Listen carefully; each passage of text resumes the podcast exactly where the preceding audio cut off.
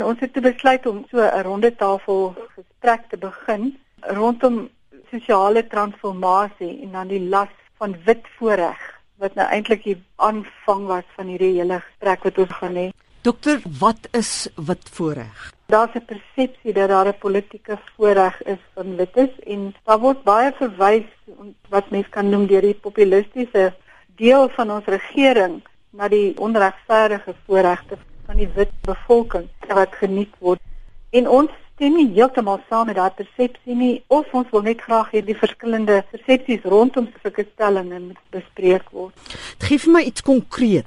Van die sprekers gaan definitief gesels rondom hierdie hele diskurs nou rondom wit en dan die verskillende identiteite wat geassosieer word met wit. En dit is eintlik maar 'n soort van 'n dekonstruksie van wat dit is om wit te wees in ons samelewing. En dan natuurlik hoe die denke verander van baie vroeë jare wat selfs hier in die 1990s het daar al gesprekke rondom hierdie identiteit plaasgevind ek kan 'n voorbeeld noem 'n publikasie Wit Afrikane is gesprek met Nico Smit wat deur Marie Hofmeyer en Klippie Skritsinger en die Willem Simon gevoer het en gevra het wat is ons bestaan en wat is ons bestaansreg in Suid-Afrika? En dan later gesprekke wat Nabulu Ndebele byvoorbeeld gepraat het oor die krisis van die Afrikaner en sy onvermoë om tot terme te kom met die nodigheid vir verandering. Dit is ou gesprekke, maar dit is gesprekke wat eintlik nog steeds opkom sonder dat daar werklike eh, besinning gevoer is of tipe van 'n afsluiting gekry is oor daai gesprekke. In watter opsig moet Afrikaanse wit mense nog aanpas? Wat is hulle grootste struikelblok?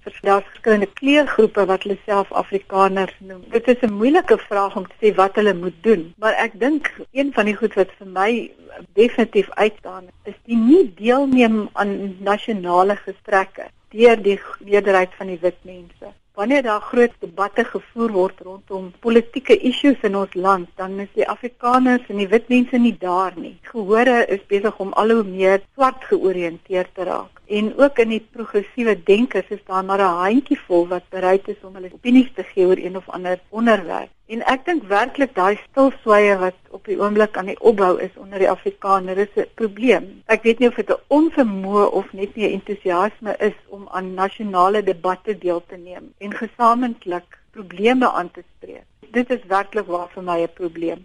Wat wil julle bereik? Ons wil graag net 'n geleentheid skep om die huidige gedagtes rondom wit, nie in die wit gedeelte van die Afrikaner Dit is net weer dit update, net om weer 'n besinning te kry oor waar lê die debat op die oomblik en wat moet ons dan doen gesamentlik met so 'n wit identiteit as 'n sosiale konstruksie? Hoe moet ons reflekteer as 'n sosiale refleksie oor wit in die huidige Suid-Afrikaanse gemeenskap? Waar posisioneer ons onsself? Is daar enige planne vir 'n opvolg? Nie op hierdie stadium nie, maar ons het baie interessante sprekers wat gaan deelneem aan die debat. Nou mense kan hoop dat almal gesamentlik besluit om miskien 'n kort verslag uit te bring na die gesprekke of 'n paar van die papiere bymekaar te sit en dan net 'n soort van 'n gedagte papier aan die gang te sit wat ons dan kan deel en die gesprek aangaan mee. Maar dit is eintlik maar deel van ons groot projek oor die hele ding van social cohesion. Dit sal ook invoeg by ons verdere gesprekke by Mistra rondom die nodigheid van 'n social compact tussen die regering en die publiek en watter vorm moet daai compact aanneem? En ek dink hierdie issue van whiteness is deel of een van die goed wat die gesprek nie maklik laat plaasvind nie. En ek hoop ons kan een of ander ek sien nie se 'n oplossing kry daarvoor nie maar ten minste begin 'n gesprek voer wat na iets lei